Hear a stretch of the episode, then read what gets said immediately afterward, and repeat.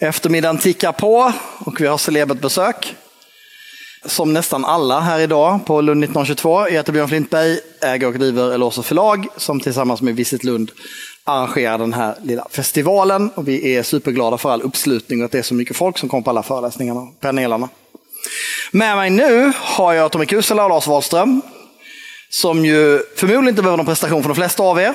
Förutom allt annat ni gör så driver ni också en podd som har fått ett jättegenomslag i Sverige.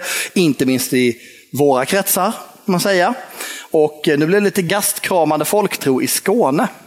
Och med det så eh, lämnar jag över till eh, När man talar om trollen och Tommy och Lars. Varsågoda.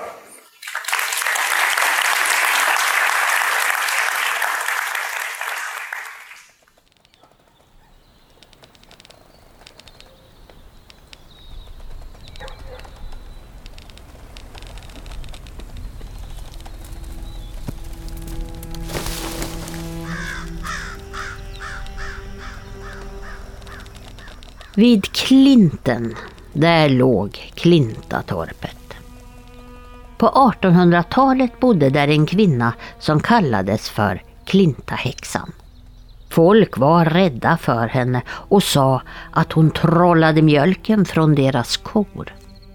Man hade nämligen hört att på själva midsommarnatten kom en pojke på henne när hon stod spritt språngande naken och kärnade smör i källan som låg nedanför klinten. För det var ett knep för att få all mjölken i trakten till sig. Klinta häxan, hon hade mjölkharar hon som var ute och sprang på trakten bland bondgårdar och torp och sög mjölk på kornas jubel. Sen kom de hem till klinten och spydde upp all mjölken i ett kärl. Hur Klintahäxan skapade sina mjölkharar, det visste väl ingen riktigt. Men ett vanligt sätt det var att vira garn och tråd runt stickor som var brända i båda ändarna. Så droppade man blod på byltet och läste en trollformel. Sen hade man en trollhare som såg ut som en alldeles riktig hare. Ett annat sätt det var att ta en gammal räfsa, fast utan skaft. Räfshuvudet det blev harens ryggrad. Och så tog man tråd till huvudet och trasor till inälvorna. Till fötter användes blånkräcklorna, de som man använde när man spann lin. En kräckla, det var en liten avskuren talltopp med en krans av sidogrenar. Den la man blånor i och satte på spinnrocken. Blånor, det var ju lite sämre än lin. Och blånkräcklor, det fanns det för i alla hus eftersom kvinnorna spann det grova linet till lakan och till handdukar.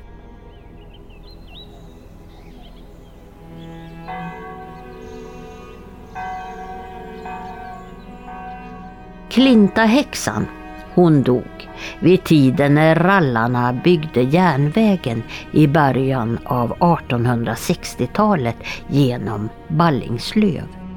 Då blev det ett hiskeligt tjutande vid Klinten. Aldrig hade byborna i Kärlingberga tidigare hört ett sånt helsikes hallå i skogen.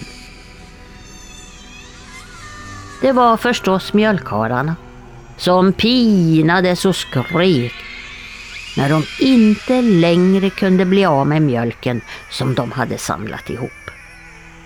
De mjölkkarlarna, de ylade så det hördes milsvida omkring.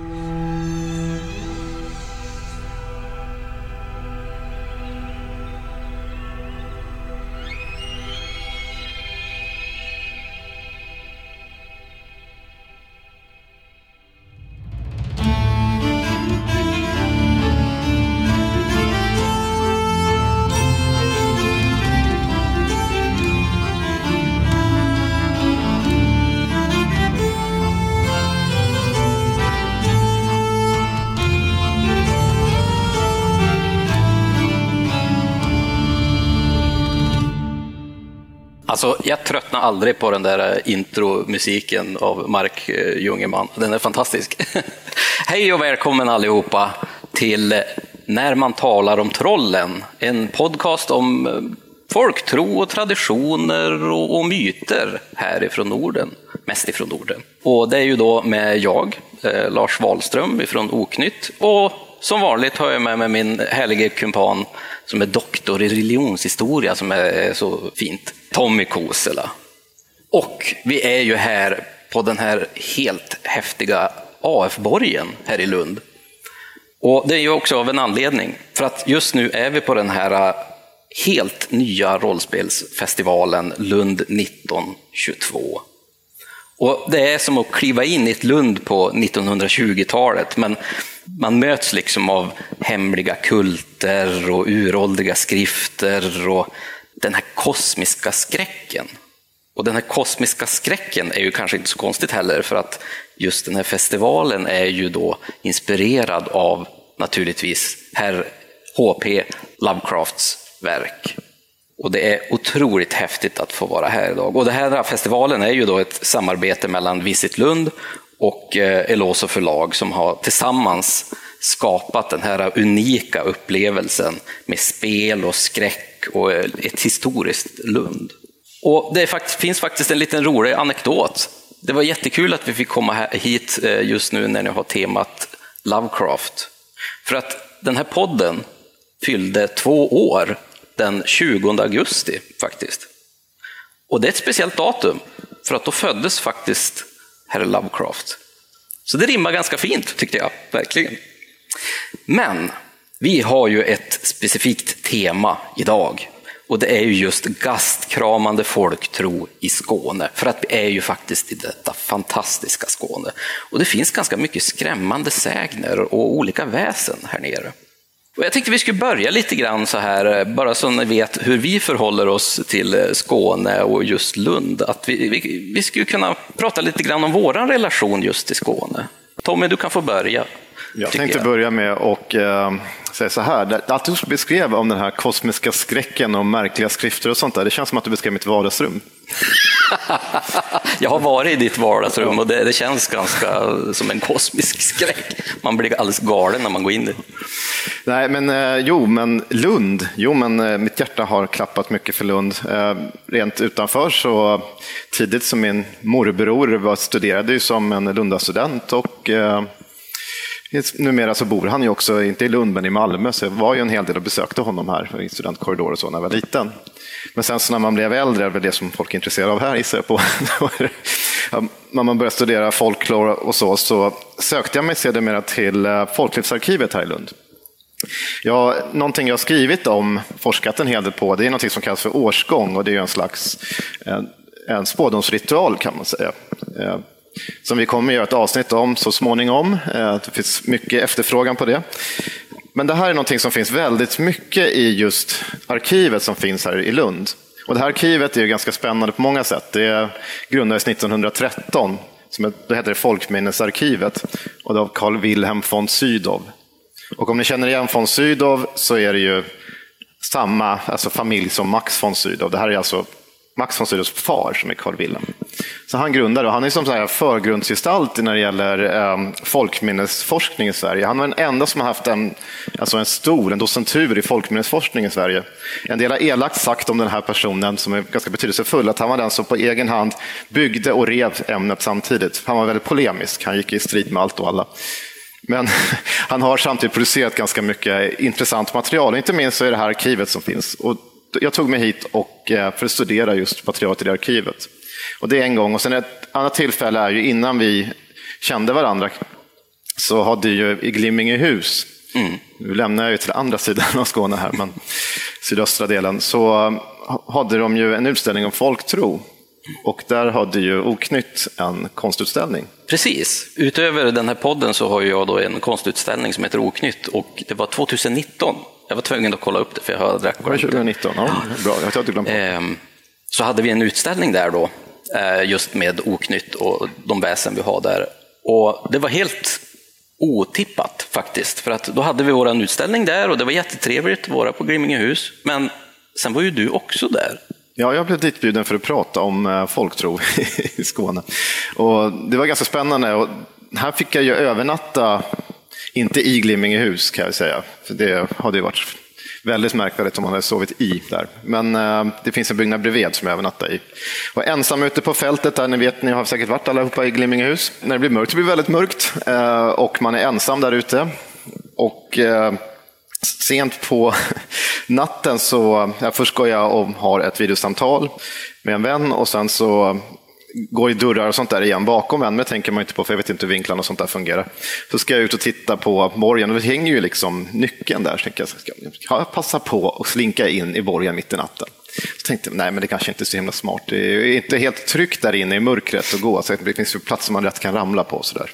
Säger vi, för att det har ingenting med det övernaturliga att göra. Men just där så um, är det den enda gången i mitt liv som jag varit med om någonting som kan i så fall, jag har fortfarande inte, vet inte vad som har hänt, men jag uppe på natten, det är ju ganska, det är typ som två våningar. Övre våningen satt, så kom det tre kraftiga dunk i väggen och det kom från Glimminge-hushållet. Nej. Och de är väldigt, de ligger nästan vägg i vägg. Ehm, jag har funderat på vad kan det där vara? Det kan inte vara några fåglar, för det fanns, eller kan kan det väl vara, vi hade stora fåglar i så fall. Men vad det var som lät, vi har ingen aning om. Mm. Låter det vara osagt. Men vi pratar om gastkramande folktro och kusligheter. Och just den här platsen är väldigt känd för att vara... Ja, det finns mycket sägner knutna till Glimmingehus, om man säger så. Mycket mm. spökerier och annat. Mm. Ja, den mest eh, gastkramande därifrån tycker jag är den här hönan som springer omkring utanför borgen. Spökhönan, ja. Precis. Min relation eh, till Skåne och, eh, och just Lund är kanske inte lika superintressant kanske som du har dragit. I och för sig, vi har ju det här med Glimmingehus, men sen just i Lund har jag inte varit så där jättemycket i. Men den första gången var kanske 20 år sedan. Och det var faktiskt på en konfirmandresa som vi hade. De skickade iväg oss för att de kanske inte ville ha oss i kyrkan eller någonting. Men då fick vi åka hit och sen besöka domkyrkan här i Lund. Och det är ju en helt fantastisk upplevelse att få titta på den här helt otroliga kyrkan. Och såklart får man ju besöka jätten som är där inne också. Jättenfin. Lars, du vet ju att den här kyrkan, domkyrkan här, den är vi till Laurentius. Mm. Laurentius blir ju Lars. Ja, det, det, finns ju en, en sägen om, om, den här också, Lars, eller Laurentius, vi kallar honom för Lars nu, det är roligare, mm. som eh, när han ska bygga och var bekymrad över hur han ska kunna bygga den här eh, domkyrkan. Och eh, det började dra ihop sig, han hade svårt och få det här liksom, bygget i, i land, om man säger så, fullfölja det. Och då mötte han ju Finn, eller han visste inte vad han hette, för det var en byggmästare som var anonym, som erbjöd sig att bygga den här på en ganska kort tid, inom den tiden som var kvar. Eh, men förutsatt att eh, han skulle göra det, men om, eh, om han kan hans namn, då kommer han inte behöva betala. Alltså då kommer han få makt över honom, så att säga. Det här finns olika varianter på den här sägnen. Men om han lyckas under den här utsatta tiden, då ska jätten, eller den här personen, då, anonyma personen, då ska han ha solen och månen i belöning. Och inte bara nog med det, han ska också sticka ut och ha Lars ögon. Och Lars blir ju väldigt, eh, han går ju med på det här för han är väldigt stressad och sen så är bygget går väldigt, väldigt fort. Och den här anonyma personen blir ju i princip nästan klar. Mm. Och då eh, går Lars omkring och är väldigt funderar på vad han ska göra, lägger sig på en plats och en bit utanför och eh, vilar och funderar och funderar, funderar på hur han ska liksom lösa det här problemet. Och då hör han hur det liksom sjunger underifrån, eller från en kulle eller från ett berg, hur någon pratar, en kvinnoröst pratar till ett barn att snart kommer Finn hem och så ska hon berätta, då ska du få solen och månen och prästens ögon att leka med. Och då förstår ju Lars att den här personens namn är Finn. Så att dagen efter så säger han till eh, den här jätten då att eh, om han ska lägga in sista biten, och då säger han hans namn och får alltså makt över honom. Och då blir Finn fly förbannad, han blir rasande och rusar ner i kryptan och tar tag i pelaren och ska liksom riva hela, hela bygget. Och då kommer hans fru med barn till undsättning och ska riva den andra pelaren. Och de förstenas där, för nu är ju makten större över dem, så de förstenas och finns än idag kvar där inne. Så man går ner i kryptan så ser man ju Finn stå och krama om den ena pelaren och på andra sidan så står hans fru med barn och kramar den andra. Ja, det är ju en helt fantastisk sägen, just det här. Det är otroligt häftigt med den här jätten Finn. Väldigt bekant, det har jag, jag har hört en liknande förut, fast ännu längre tillbaka i tiden. Ja, det här har vi pratat om tidigare. Det är ju ett väldigt utbrett motiv som mm. finns, går tillbaka till redan till fornnordisk religion. Och det finns knutet till många kyrkor runt om i landet. En annan ganska känd stor är ju Nidarosdomen också uppe i, i Trondheim, Norge. Så där är den knutet till Olav, som är oftast den kungen som, när det är en kung som är involverad i det här.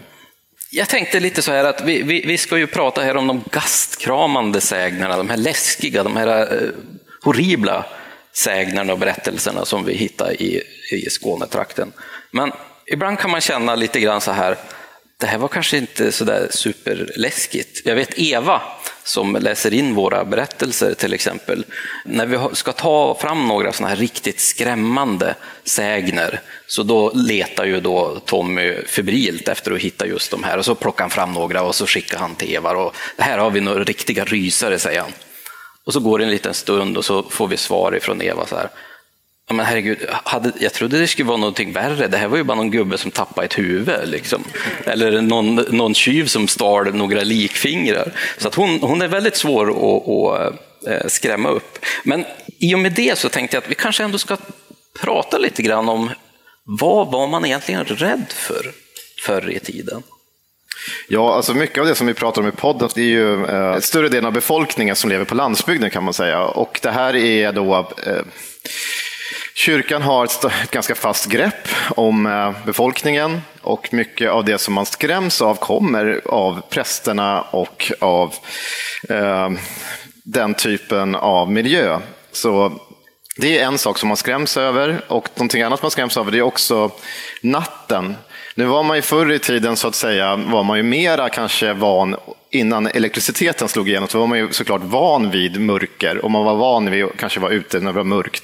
Men man gjorde inte gärna det, för att den här tiden på dygnet när solen hade gått ner, det, det gjorde att någonting annat blev väldigt, eh, alltså fick aktiverades och blev kraftfullt och det var ju övernaturliga väsen, trolldom och annat. Så de, det var deras tid på dygnet och det var någonting man kunde skrämmas över. Annars man skrämdes över, det var också saker som har med gränser att göra. Desto längre bort man kommer, desto mer okänt saker och ting blir, desto mer skrämmande blir det. Och det kanske inte är helt annorlunda idag heller för den delen. Eh, många människor tänker så. Desto mer främmande saker är, desto mer rädd blir man. Alltså man pratar fortfarande om de andra. Väsen är någonting som ingår i de här kategorierna. Man var rädd för olika tabu av olika slag, att göra fel, man var också en grupp som man lever i en större familj och då vill man inte att det ska drabba liksom gården så att säga. Så man vill inte drabbas av olycka. Mycket av sådana saker som vi tänker med lycka just det är ett magiskt begrepp och det är det ju än idag. Alltså att man tänker sig att det finns en begränsad smörlycka, fiskelycka, jaktlycka eller vad man är ute efter. Och den där fanns det bara en viss andel av man vill inte bli av med den. Det, det, det, finns ju väldigt, fanns och finns väl i och för sig fortfarande ganska mycket att vara rädd för. För det som sker kring ens liv i sin vardag. Men hur ser det ut här i Skåne när vi tittar på folktron och kanske de här skrämmande sägnerna? Finns det någonting unikt eller något speciellt just kring folktron och de trosföreställningar som är just i Skåne? Unikt? Det är alltid svårt när det gäller folk vad som ska vara mm. unikt så att säga, för det kan skilja sig i samma socken eh, mm. från, hos samma berättare från det, från gång till gång. Men det finns ju mycket som är då, alltså sydsvensk som har mycket gemensamt med dan, dansk folklore. Mm. Och det finns ju en del då väsen som, särskilt benämningar på väsen som är typiska härifrån, som kanske inte finner i dina trakter uppe i Ångermanland exempelvis, eller inte som i Uppland där jag bor. Men till exempel föreställningen om Bäckahästen är något som finns här, som inte, har, som inte finns uppe i Ångermanland. Man har föreställningar om pysslingar här. Det finns inga pysslingar i Ångermanland, däremot har man eh, vittra där. Det finns massa olika såna här eh, skrämselväsen som jag brukar kalla det för. Eh, han von Sydow igen, han kallar det här en gång i tiden för en fikt. Alltså det var fikt, alltså pedagogiska fiktioner. Mm. Och det var ju en, en av typ hundra vetenskapliga begrepp han alltså, formulerade. Men det fick det ganska användbart ändå, för att det är ju alltså ett det är någonting som ofta vuxna använder sig av för att skrämma, för att barnen ska undvika en viss plats. Bäckahästen kan ha en sån här funktion och den, är ju ganska, den fungerar ganska bra då för att om det är ett farligt vattendrag, en å eller någonting annat som, ehm, som man inte var simkunnig i regel, och då skulle man då få barnen att undvika att leka där. Och då kunde man prata om den här bäckahästen exempelvis som kunde stå där, locka barnen att sätta sig på dess rygg och desto mer som sätter sig desto längre blir den och har alla satt sig där så rusar den ut och dränker hela bunten. Det där är också ett gammalt motiv för övrigt som finns faktiskt redan i isländska sagorna. I Landnamma bok finns en liknande häst som också kommer i vattnet. Det finns liknande berättelser i, i Skottland och, och i Nordengland också. Mm. Brunnsgubben är väl också en sån Brunnsgubben är en klassisk. Källargubben ja. brukar min farmor använda.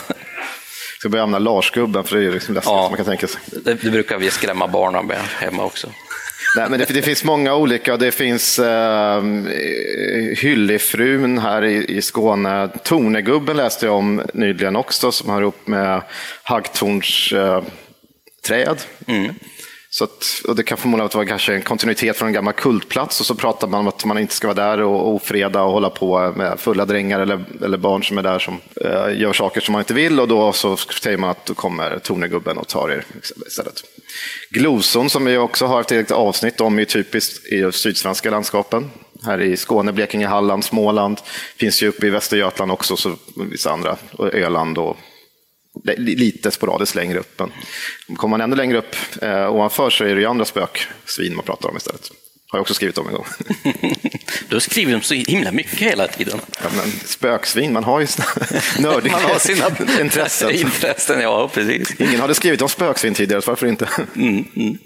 Du pratade där om just att det finns olika väsen som kanske har olika benämningar. Och jag tänkte den här introtexten som vi hade nu som Eva Boström mm. läste upp, den här äh, häxan som, som tog fram de här äh, hararna som sprang omkring och stal mjölk. Ja.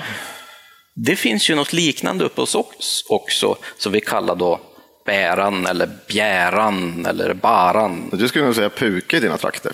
Åh, det är mot Jämtland lite och grann, ja. lite grann, ja. Men här var det ju liksom en hare Ja, mjölk. Eh, men precis. Och det här är ett så kallat tjuvmjölkande väsen kan man använda som eh, benämning på det här. Och det är en gammal, gammal föreställning som vi känner till sedan medeltiden. Inte bara i Skåne utan från hela egentligen Norden finns det olika, eller i Europa. Det finns olika idéer om tjuvmjölkande väsen över hela Europa faktiskt. Eh, de har olika former, men här, om vi tar Sverige då, om vi håller oss till det, så eh, har den olika benämningar i olika delar av landet. Eh, vanliga är att man säger att det är bjära eller bera eller något sånt där. Och det är för att det betyder att det är någon som bär någonting. Jag ska ta och jämföra med på Island säger man tillberg om samma mm. sak, alltså någon som bär någonting till dig. Eh, så det är också ett väsen. Så det är något som skapas av en trolldomskunnig som då brukar benämnas som en häxa. Tillsammans med djävulen så, så blåser man liksom liv i det här man skapar. Det fick vi höra exemplet på här. Och det här kan ta olika former. Eh, det kan vara som en smörkatt eller någonting, det kan vara en hare som är ganska vanligt, eh, eller något annat ganska odefinierbart djur. De här finns ju också avbildade i flera kyrkomålningar. Bland annat har vi ju ganska nära där jag bor eh, en i Härkeberga kyrka som är ganska känd där en häxa står och kärnar smör och så står en hare nedanför som spyr ut mjölken i en balja nedanför. Det finns liknande föreställningar i kyrkor i Danmark också, man har några avbildningar kvar i Finland och sådär. Så, det, det, är vida spritt föreställningen om en, en, en, ett sånt här tjuvmjölkande väsen. Man kan ju fundera lite grann, varför sprang den och stal mjölk?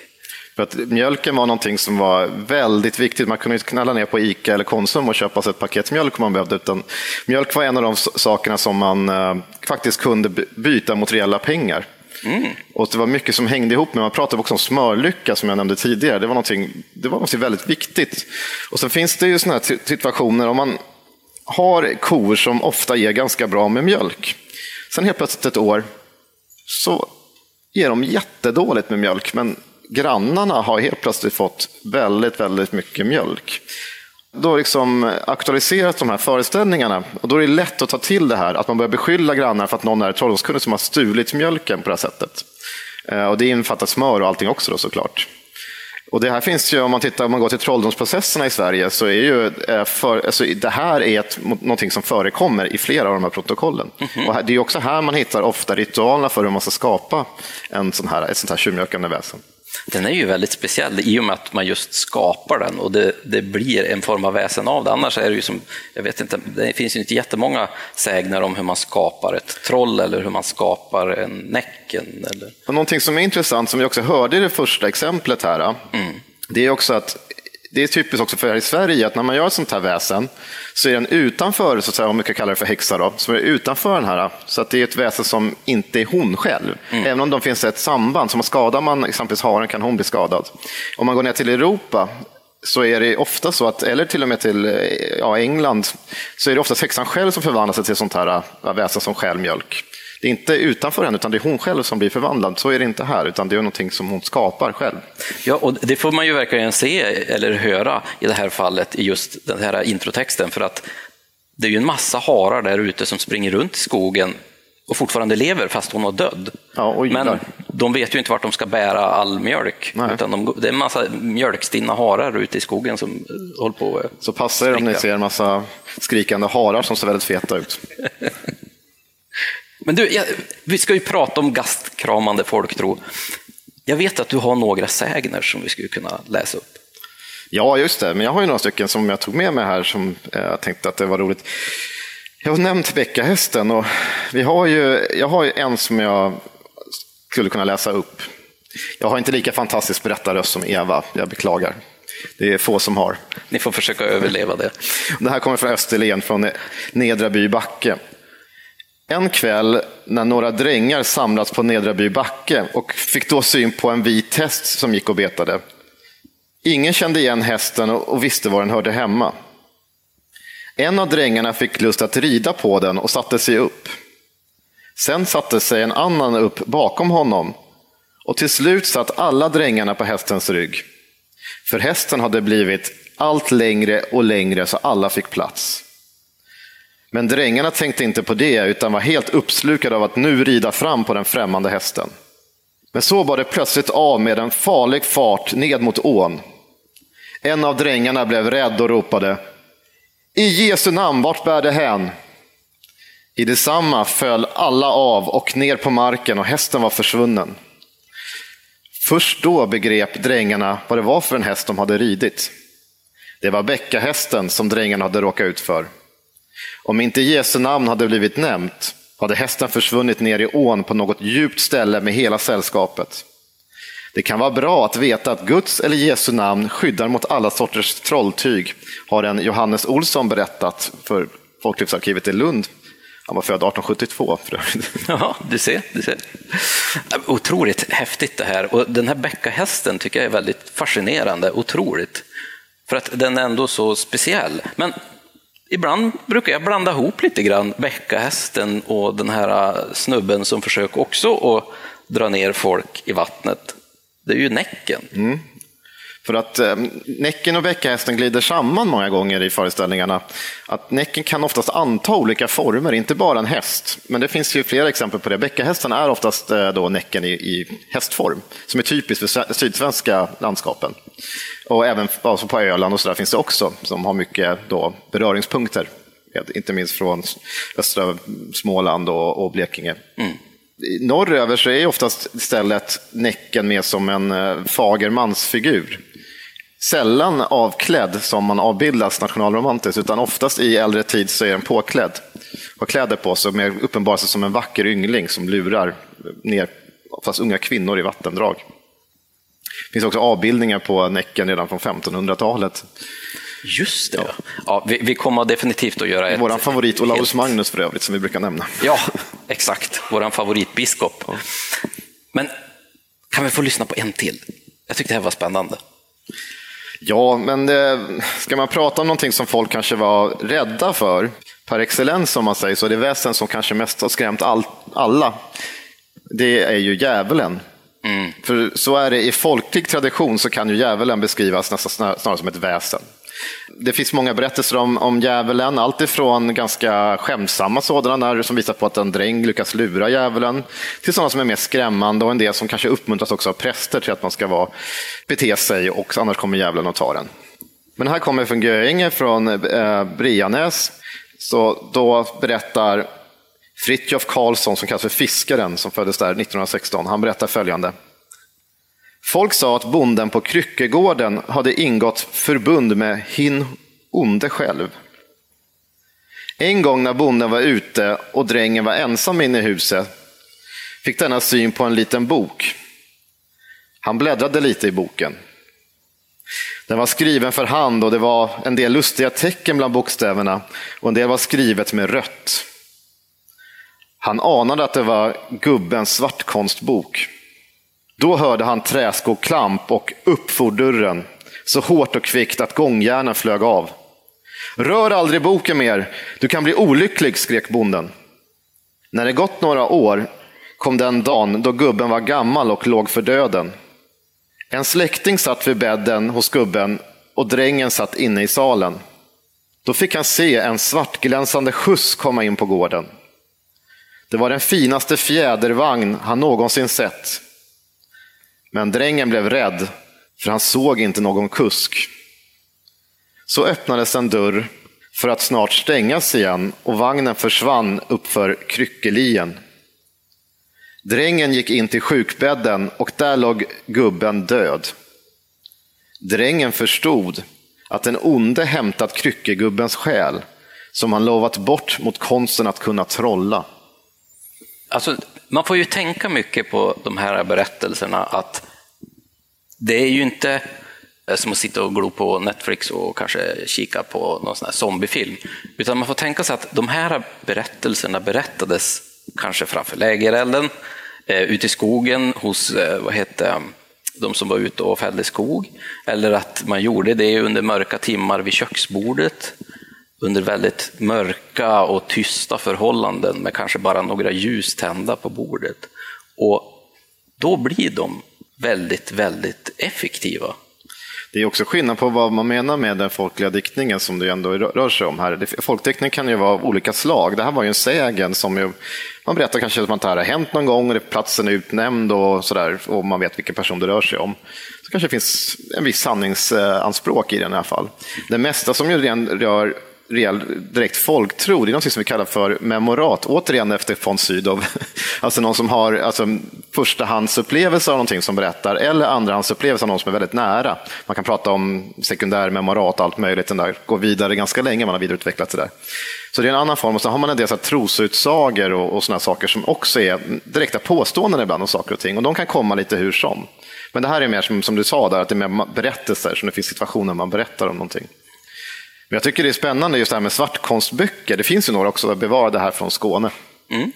Det är ganska fascinerande. Det finns, man kan skilja på lite grann, eftersom det finns bevarade svartkonstböcker. Jag jobbar ju själv i ett folkminnesarkiv, alltså uppe i Uppsala. Och där har vi flera svartkonstböcker. De har jag självklart bläddrat i och, och läst.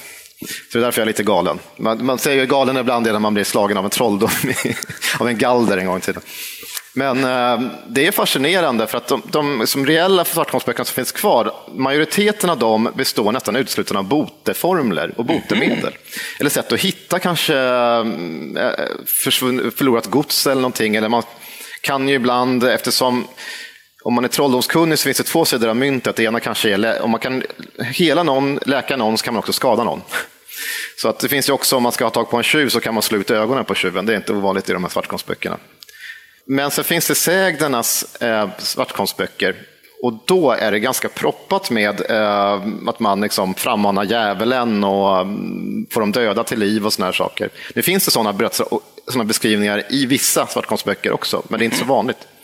Och man, alltså, trollskott sånt här finns ju också såklart beskrivet, man kan skjuta, och göra någon sjuk, sjukdom på någon. Just den, den här tanken kring trolldomen är ju också väldigt häftig. Någonting som också är ganska eh, läskigt, eh, i alla fall som används väldigt mycket i berättelser som eh, har just skräckgenren, det är ju varulven. Mm. Den här uh, mansvargen eh, som i populärkultur är ganska stor och rabid och ganska hemsk. Mm. Hur är den egentligen i folktron? Och det finns väl ändå berättelser härifrån Skåne också? Det finns, det finns berättelser om eh, varulvar i Skåne, absolut. Det finns eh, en från Malmö exempelvis, eh, från Östra Skrävlinge, ska väl området heter där, som eh, har varit en varulv. Då, då menar man att de, den gräver sig liksom in under tröskeln för att komma in i huset eller ta sig in på annat sätt. Eh, varulvar kan man ju prata mycket om och det har vi ju gjort en gång i tid när vi gjorde ett avsnitt som var ett par timmar långt. Och då har vi bara skrapat på ytan, eller klöst på ytan kanske man ska säga. Men eh, man kan dela upp varulvsföreställningarna om man ska grovdra det lite grann. Sådär. Att man tänker sig som att det är en människa som förvandlas till ett rovdjur. Och då kan man dela upp det som en forskare som heter Ella Odstedt gjorde en gång, som jobbade på Nordiska museet och sen där jag jobbar idag, som delen av sin tid sen, i varulvens svensk folktradition. Och så i norra Sverige då så är det ofta förvandling till björn det vanligaste. Och sen har vi mellersta Sverige där det är varg. Medan här nere är det vanligare till en hund. Att det blir ett, som ett, en hund alltså, som den här förvandlas till. Så det finns sådana beskrivningar eh, runt om här. Det, det fanns ju något specifikt också kring varulvar i ganska modern tid också, va? Mm, ja, absolut. Det var Och här, just här nere. Ja, det var Trelleborg. nu rör vi oss dit. Och det var, nu, nu känner jag mig småsenil här, var det 1972 eller om det var 73? Nu är jag osäker på årtalet här.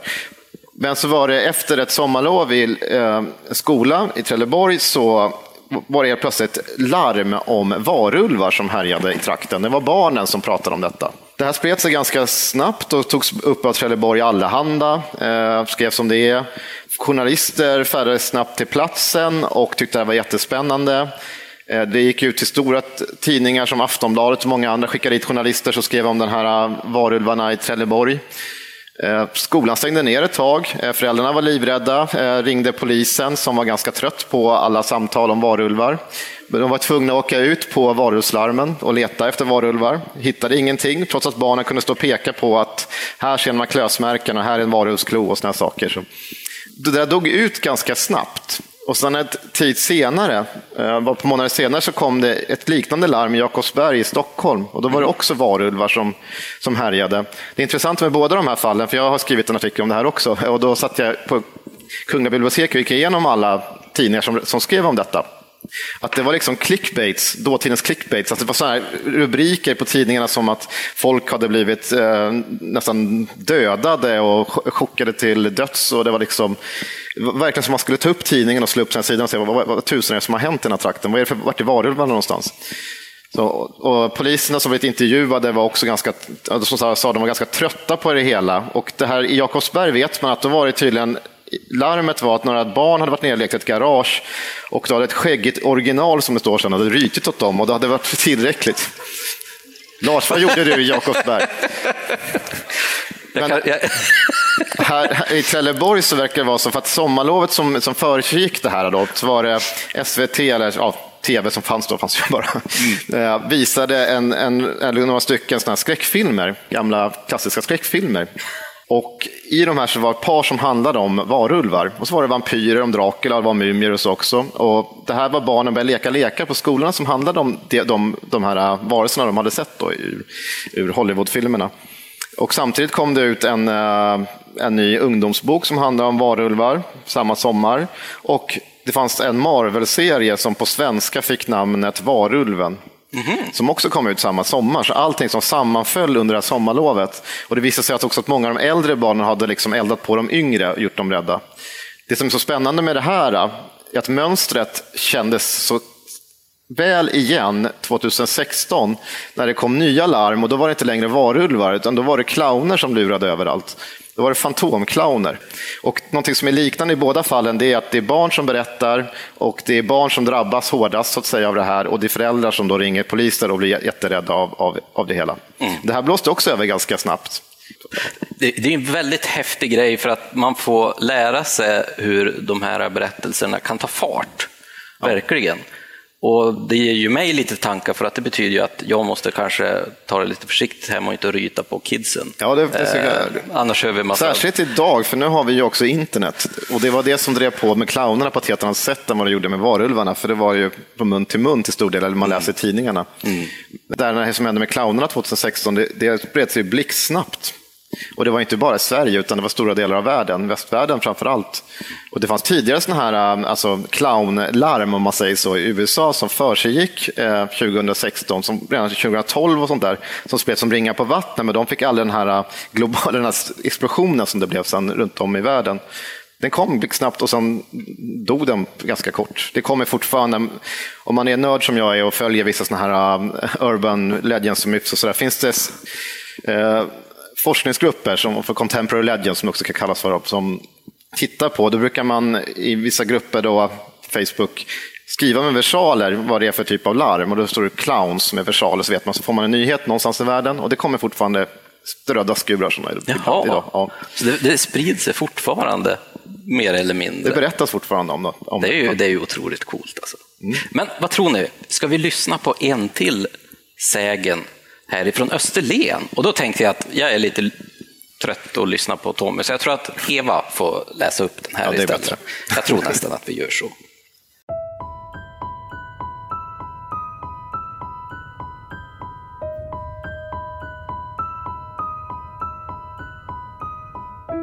Några karar satt på Brösarps gästgiveri och språkade med varandra. De började prata om förbrytaren Ola Bonne som några dagar tidigare hade blivit hängd på galgbacken i Brösarp. Liket hängde fortfarande kvar i avskräckande syfte. Vad ger ni mig om jag går upp och hämtar Ola Bonnes fingrar? Så sa en kar som hette Lövgren och som var ryttare i Lövestad.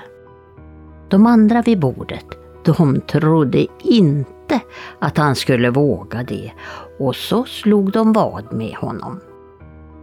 Strax därefter var Lövgren försvunnen och en stund senare var han tillbaka. Han hade verkligen varit uppe på galgbacken och skurit av den dödes fingrar och nu visade han fram dem för sällskapet. Ja, Lövgren. Han vann visserligen vadet, men han blev aldrig av med bonnens fingrar. Han fick dras med dem så länge han levde.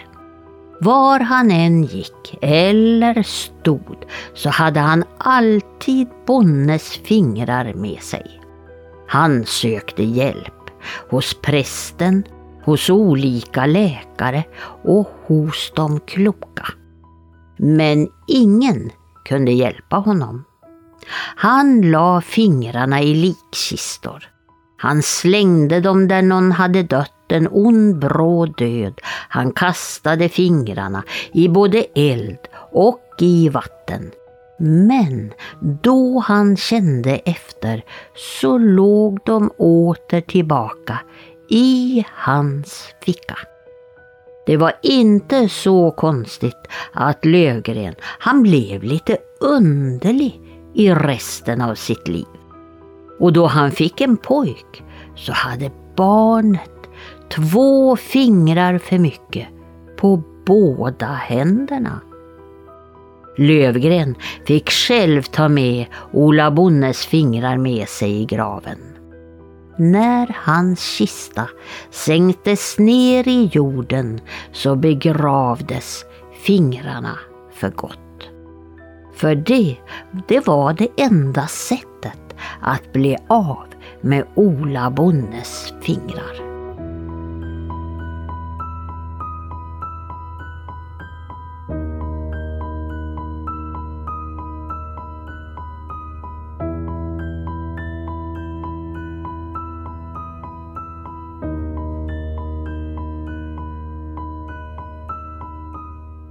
Ja, här fick vi ju verkligen höra en, en riktigt hemsk berättelse. För det första tycker jag, vad, vad, skulle han stjäla de här fingrarna för?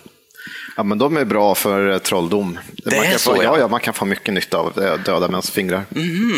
Ja, det kan vara bra att veta. Varför vet du sånt? Ja, just det, det var de här eh, svartkonstböckerna. Ehm, men jag tyckte också det är lite intressant med den här berättelsen, när vi ändå pratar om Lovecraft och hans värld.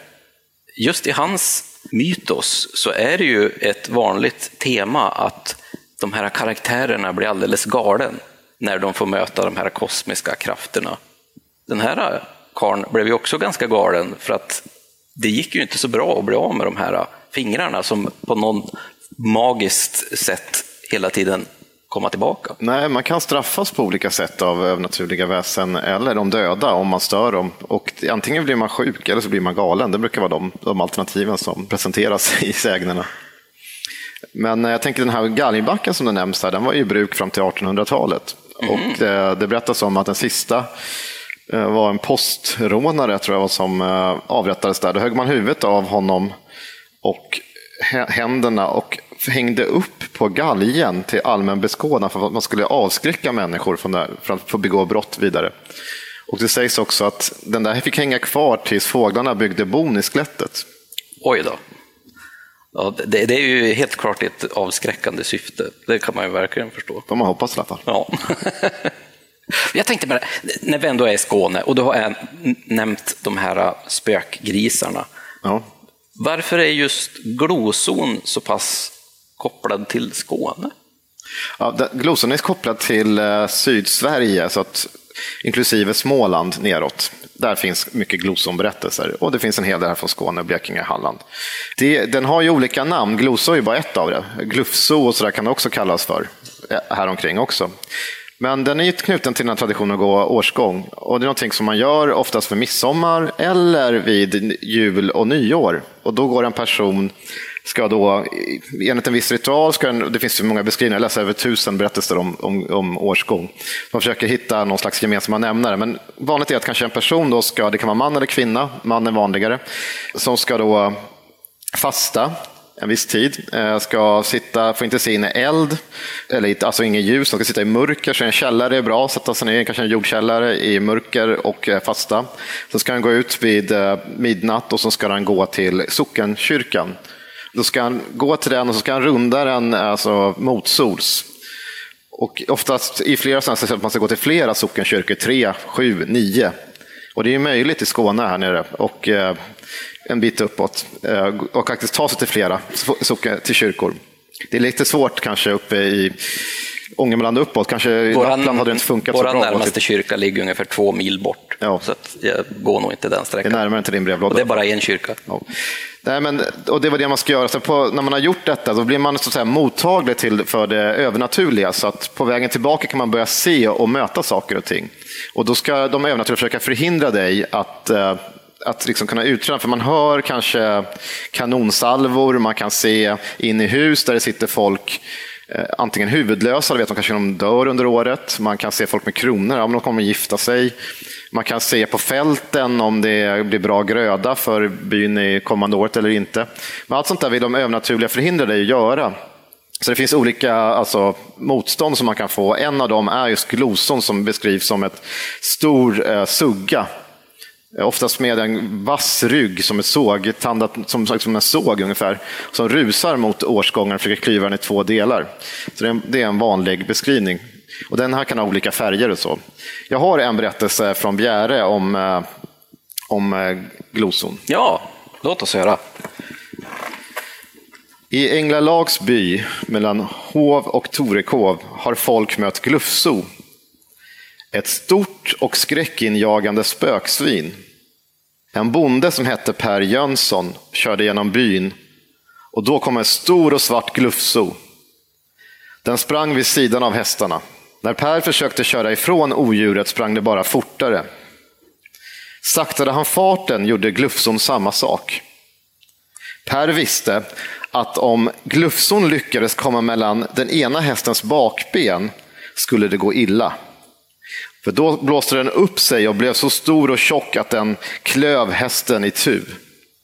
Men som tur var lyckades bonden hålla undan och till slut tröttnade Glufson och försvann. Per kom lyckligt hem, sägs det av berättaren John Pettersson som född 1872. Det finns också i Folklivsarkivet här i Lund. Så det, det, är en beskrivning som är lite annorlunda, för den har ju inte direkt med årsgången att göra, men här möter någon bara en, en eh, glosor helt enkelt. Ett argt svin. Ja, och där kan beskrivas, den kan, ibland kan den ha ögon över hela kroppen, ibland har den brinnande stora ögon. Och, alltså det är mest kusliga former man kan tänka sig. Jag tänkte nästan ögon över hela kroppen, det låter ju lite grann som Lovecrafts eh, Shoggoth. Ja, det faktiskt. finns faktiskt en sån beskrivning som berättar att hela kroppen är täckt av ögon. Mm. Det är också fantastiskt.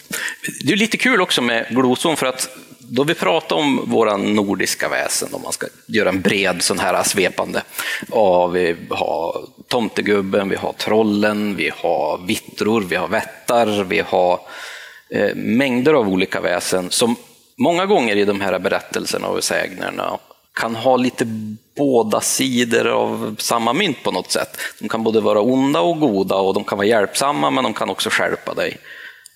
Men det finns ju några väsen ändå som verkar bara ha en karaktär. Och gloson är väl lite grann så också. Ja, det finns inga direkta berättelser där det finns man möter på ett snällt, eh, ett snällt gloso som man kan klappa på. Och även om man har kultika med sig ska man akta den. Och det, det, liksom, man får ju tankarna på om man möter vilda grisar överhuvudtaget. Även när ollonsvin och allting gick löst förut, alltså de, de är ganska aggressiva och särskilt, vet ju också när vildsvinen kommer tillbaka nu, att man, kommer man emellan ett vildsvin och ungarna så kan det gå riktigt illa. Och så tänker vi oss en tid när allting är väldigt mörkt och det finns nästan inga ljus. Kastas i ljus så kan saker reflekteras på ett ganska hemskt sätt. Och då ska man nog gärna undvika de här stora svinen som kan härja i, markerna. Ja, det är ju verkligen ett, ett, ett rent skräckväsen helt och hållet. Ja. Lite grann som djävulen. Eh, när vi ändå är här i Lovecraft-landet, här i Lund, just idag i alla fall, så tänkte jag, det här med den kosmiska skräcken som är så förknippad med just Lovecrafts noveller och berättelser. Och mitt vardagsrum. Och ditt vardagsrum kan också vara mitt vardagsrum vissa dagar. Finns det något liknande i vår folktro? Just den här överhängande hemska skräcken. Ja, men det finns ju en del domedagstankar. Nu måste jag fundera ordentligt här, men det, jo, men det finns en del idéer om att världen kan gå under under vissa särskilda situationer. Om, om man kan få en profetia eller något annat som händer. Eller det kan vara en urko som står på en viss plats. Och Eh, och en jätte så kan man involveras och så plockar du från hennes fäll, alltså från pälsen och när allting är borta så kommer jorden gå upp förgås och sådana saker. Men jag tror inte man riktigt gick omkring och var skraj för det helt enkelt. Utan man var mer intresserad av det som berör arbetslivet, alltså det närmaste hela tiden. Och är det någonting man verkligen var skraj för, som i så fall var mer kosmiskt, det är ju själen, alltså vad som händer efter livet efter detta. Det gällde att komma i vigd jord. Jättemånga sägner handlar ju om hur de döda återvänder med ett syfte, oftast därför att de vill komma i vigd jord. Så vi har ju berättelser om allt ifrån alltså, ja, gastar som det finns gott om i Skåne också. Så det är personer som oftast vill, vill någonting. Alltså att brottet ska uppklaras eller att de ska hamna i vigd jord för att de ska få en vila. Alltså komma till, mm. få, få ro så helt enkelt. Och det är väl den skräcken man i så fall hade som ska vara kosmisk skräck för att inte någon ska hamna i vigd jord. Det finns ju berättelser om eh, mödrar som har liksom strukit in, alltså, nu blir det hemskt här, men foster och sånt i kyrkomurar, i golv och sånt där, för att de inte får, om de inte var födda utanför äktenskap, så de får inte begravas på vigd jord. Och då är det ett sätt att försöka mota, alltså, att den ändå ska komma till vigd jord, så det finns en rädsla. Nej, och jag tänkte också på djävulen att djävulen är väl kanske den, den motståndare vi skulle kunna hitta som är så här absolut på något sätt. Den här onda varelsen. Men när man tittar på de här sägnerna så är han ju ganska lättlurad och ganska personifierad. Inte i alla, det är det som är, oftast är det roligare att välja ut dem när man kan mm. lura honom och det är ofta sagorna som oftast handlar om djävulen. Oftast mycket sådana här äh, förklarar saker och ting ser ut som det gör. Det är för att djävulen har varit involverad och kanske har fått skapa någon växt eller något djur. Som, och då kan man, för att se avviker, och kan man ha en sån här berättelse och förklara varför den ser ut på ett visst sätt. Och då blir det lite skämtsamt för djävulen gör inte riktigt lika bra som Gud. Och då blir det något som blir fel, exempelvis. Det, är det finns ju, getapen är ju ett träd som finns alltså, exempelvis, som är förknippat med djävulen. Och då berättas det som att djävulen har han fick skapa ett träd och det blev ett ynkligt träd då, som var getapen. Och, eh, han blev, tog en get, han blev förbannad, tog en get och slog den runt trädet flera gånger, lindade den runt. Och det kan man se idag, för om man tar bort barken på, på getapen så ser det ut som eh, gethår på insidan. Just. Så det, det är något som man har ganska god kunskap om träden, men också att här har djävulen varit inblandad i, något, mm. i skapelse av ett träd. Jag tänkte att vi skulle börja avrunda lite grann, men Innan vi gör det så kan vi väl ändå få lyssna på Eva en gång till. Tycker jag. Och jag tänkte bara säga, när vi ändå sitter här och det är spelfestival mm. som Eloso har gjort, så jag vet inte om några, kanske publiken har spelat rollspelet Chock. Och där har jag, det är kul att säga när man sitter här, mm. att jag har varit med och skrivit lite grann i första chock. Och snart kommer ju eh, monsterböckerna, Skymningens fasor. Och i del två där så kan ni läsa ett förord av mig som handlar om folktro och skräck. Det tycker jag vi absolut ska hålla koll på. Nu tar vi och lyssnar på Eva. Det här är ju en klassiker som vi har hört förut, men det här är en liten annan tappning som jag tycker är rätt intressant.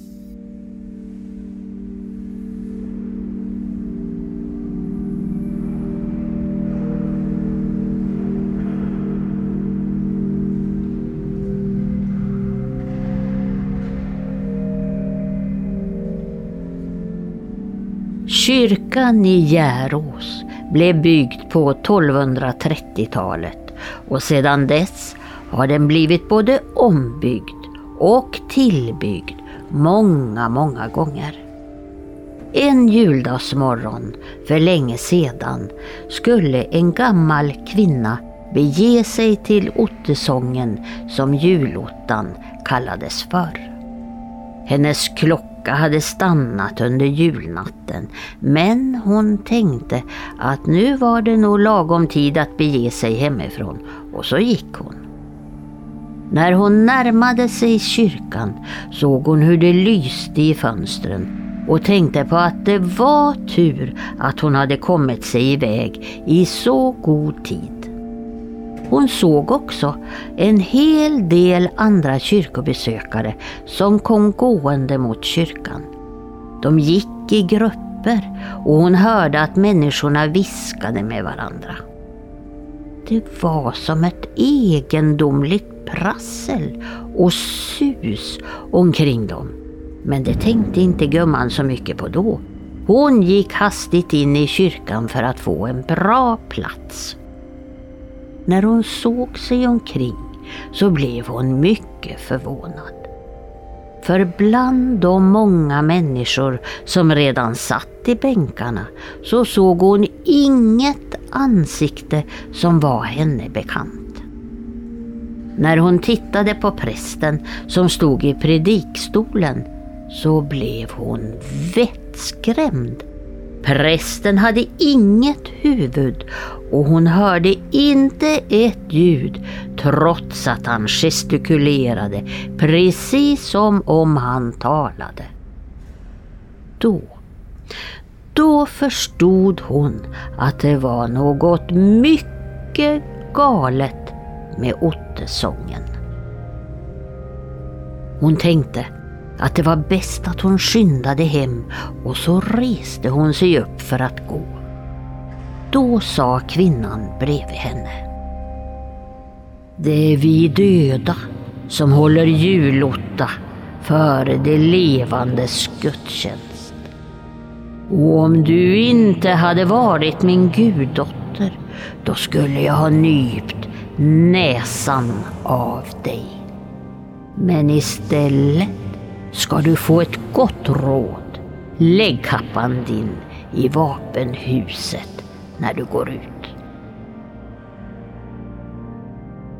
Kvinnan skyndade ut och släppte av sig kappan i vapenhuset och hon var så glad att så lätt slippa från det otäcka sällskapet. Men när det sen blev morgon och hon såg människor som hon kände färdades mot kyrkan så gick hon dit igen. Då hittade hon sin sönderrivna kappa och en liten bit av den låg på varje grav. Och hon förstod att om hon inte hade följt rådet så skulle hon själv kunnat blivit sönderriven för att hon hade besökt det döda andarnas mässa.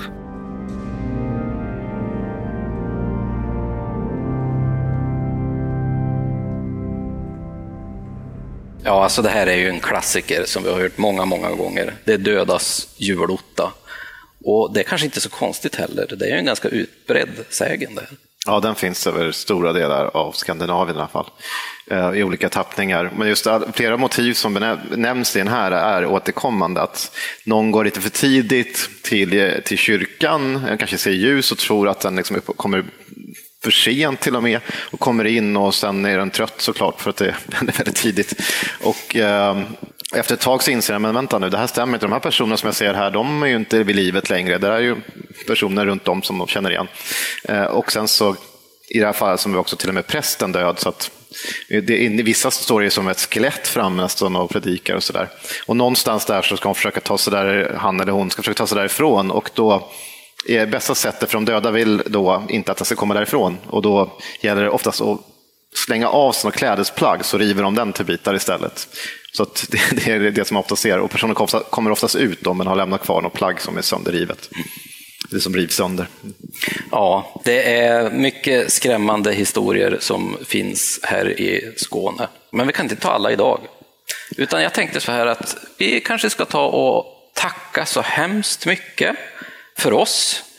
Tusen tack till Visit Lund och Eloso förlag och naturligtvis Lund 1922. Det här har varit otroligt kul att få komma hit och få prata framför er. Det var jätte, jättetrevligt. Och vill man följa oss så heter vi ju som sagt eh, När man talar om trollen som podcast. Det är bara att skriva någonstans eh, så hittar ni åt oss. Helst typ Google eller något sånt där. Eh, nej, vi finns i alla möjliga poddappar. Och sen eh, kan man ju följa oss också, eh, helst digitalt, på Oknytt Sverige, både på Facebook och Instagram. Och Tommy kan man följa på i alla fall Instagram, på Suttungsbrew. Så tusen tack för oss, så öppnar vi för eh, lite frågor. Tack ska ni ha.